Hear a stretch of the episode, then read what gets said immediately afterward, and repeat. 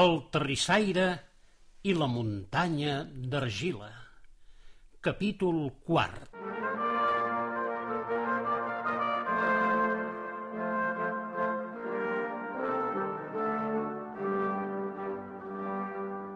Quan el poble de Fang va veure arribar el terrissaire, tots van creure que era el mestre de Terrissa, però ben aviat van saber qui era.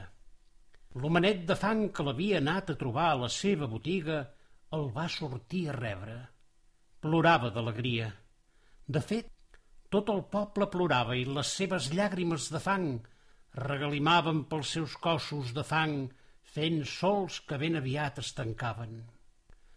El terrissaire va quedar esturat davant la majestuosa presència de la muntanya d'argila i de tota aquella munió de gent de fan que havia sortit a rebre'l. Aleshores, l'homenet de fang el va presentar. Mireu, amics, us presento el meu fill. Tothom es va alegrar com mai i es felicitaven els uns als altres, tothom menys el terrissaire. Perdoneu-me, heu dit que sóc el vostre fill. I com pot ser això? La meva mare va morir havent complert els cent anys i d'això ja fa una colla d'anys. Jo mateix en tinc vora cent. Soc, doncs, longeu com la meva mare. Porto no sé quant de temps buscant-vos. Si sumem una cosa i l'altra, vos hauríeu de tenir pel cap baix dos-cents anys. Aleshores l'homenet de fang li va respondre Quan el diable ens va maleir també va aturar el temps en el nostre poble. Com bé dius, d'això ja fa molt de temps. Més de dos-cents anys. Vés a saber. Per nosaltres el temps no passa. Aleshores, d'entre la gentada, van sortir dos ancians que se li acostaren. Eren els seus avis. La seva àvia li va agafar la mà, tremolosa, i sense dir res se l'endugué a casa seva, no sense que abans el terrissaire descarregués la tenalla amb el diable a dins i la plantés al vell mig de la plaça. Ningú del poble no gosava acostar-s'hi perquè bé prou sabien el que els podia passar. Els seus cossos de fang quedarien cuits per l'escalfor que desprenia la tenalla i esdevindrien estàtues. A casa, l'àvia del terrissaire li va explicar que ella era la noieta que havia estat escollida pel mestre de Terrissa per dur les ulletes allí on l'art de Sant Martí toca la terra. Però d'ençà que el diable els va maleir, ja no hi va poder tornar a anar. També li va explicar que aquella noia que havia fugit amb el carro i que aleshores estava prenyada era la dona del seu fill, és a dir, la seva mare, la mare del terrissaire. Vet aquí que el terrissaire havia trobat respostes a dues preguntes més. Que l'homenet de fang que havia anat al seu taller de ceràmica era el seu pare i que la seva mare era verdaderament la seva mare, la noia que feia més de dos-cents anys havia fugit del poble. Li quedava, però, respondre la meitat de la primera pregunta. Què havia de fer amb el dimoni i com havia d'ajudar el seu poble? Però l'àvia li va dir que calia esperar, que tot té el seu moment. Van passar una colla de dies o potser setmanes, què sé jo. Com ho puc saber si en aquell poble el temps no passava? i el pare i els avis del terrissaire el van presentar a totes i cada una de les famílies del poble. Després li ensenyaren els tallers de terrissa on feien les olles enormes que portaven a la fou de l'infern per lliurar-les als dimonis. I quan em mostrareu aquesta fou? Algú em va dir que per desfer la maledicció he de llançar a dins la tenalla del dimoni. Tot arribarà, si és que arriba, li deia el seu pare. Però de primer ens has d'explicar com penses aconseguir les orelles del diable. Tu també ho saps, pare. Tu saps que he d'arrencar les orelles del diable? I com ho saps? Perquè m'ho va dir qui t'ho va dir a tu. I a més em va dir que ja no deixés les meves petges perquè les seguissis, que de primer havies de passar una prova per saber si ets net de cor. I a fe que la vas passar la prova en no voler vendre la tenalla a aquells tres frares, ni que fos per tot l'or de les ulletes de Sant Martí. El terrissaire li va dir al seu pare que no sabia com arrencar-li les orelles al diable, que no tenia cap pla i cap idea que li vingués al cap. Era, doncs, com deia la seva àvia, qüestió d'esperar. Per la gent del poble això no li era cap problema, perquè per a ells el temps no passava, però pel terrissaire sí que passava, perquè cada dia es feia més i més gran, i un dia o altre moriria. I va arribar el dia que va fer cent anys. Aleshores l'avi el va cridar i el va felicitar. El terrissaire es va quedar ben parat. Ni ell mateix sabia el dia del seu aniversari. El cert és que, des que va marxar del seu poble, havia perdut la noció del temps. De seguida, però, va anar a la tenalla, perquè precisament el dia que va marxar de casa seva va ser prou previsor de fer-hi un osca a la tenalla i cada dia que s'acotxava en feia un altre, i un altre, i un altre. I comptant i comptant osques va veure que era cert que aquell dia feia cent anys. El cas, però, és que la seva àvia també ho sabia. Com podia ser, si en el seu poblat no passava el temps? Ai, això no és tan senzill d'explicar.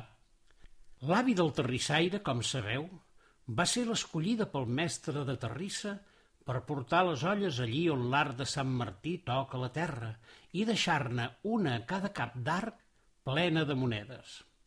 Els arts tenen el seu propi calendari i per fer la feina el mestre de Terrissa la van sinistrar molt i molt bé. Ara no us puc dir quin és el calendari dels arts de Sant Martí, perquè ni el sé ni seria capaç de fer uns càlculs tan complicats. Però el que sí sé és que l'àvia pujava cada dia a la muntanya d'argila amb una llibreta i des d'allí podia veure com es desplegaven els arts de Sant Martí per tot el món i ho anotava tot en aquella llibreta i així feia els seus càlculs. Les anotacions van començar el dia que va fer fugir la mare del terrissaire amb el carro que feia servir per portar les olles. Era l'única del poble que comptava el temps i mai no ho va dir a ningú, ni al seu espòs ni al seu fill. Portar la mesura del temps quan el temps no passa és terrible. Veure com els dies, les setmanes, els mesos, els anys no passen, fa de molt mal viure. I és que la vida era, aleshores, abans que es convertissin en fang, seguir el curs de l'existència, com deia aquell pagès del poble. Però ara la seva existència era eterna i estaven condemnats a no morir mai. Potser per algú de vosaltres que m'escolta li pot semblar que això de viure sempre és una gran cosa, però si el viure sempre és treballar pel diable, aleshores us ho ben regalo. El cas és que l'àvia el va felicitar i li va fer un regal. El tenia ben embolicat i ben avagat. Us imagineu què era? Doncs el serró de les monedes d'or, aquell serró que portava el mestre de Terrissa i després ella, i que feien servir per omplir les olles que posaven on l'art de Sant Martí toca la terra. D'entrada el terrissaire no sabia què era allò que li regalava l'àvia, però a bon punt va mirar dins el serró i va veure les monedes, de seguida es va recordar de la història que li havia explicat l'home de fang, és a dir, el seu pare. «Què vols que faci amb això, àvia?» Quan et desfacis del diable ho sabràs, però abans cal que destrueixis el contracte que vaig signar amb ell. Oh, això és ben fàcil. El porto aquí dins, en aquest estoig de ceràmica. L'estripo i llestos. No, un pacte amb el dimoni no es pot destruir així simplement estripant un document. Cal que les flames de l'infern cremin el pergamí. Vols dir que si el llenço a la fou de l'infern es cremarà? No pas, perquè abans que es cremi la replegaran els dimonis. Has de descobrir la manera de com fer-ho. Al terrissaire se li plantejava una nova pregunta. Com destruir el pergamí on havia escrit el pacte entre el diable i el poble de fang? Jo crec, va dir la seva àvia, que la resposta l'has tingut sempre al davant.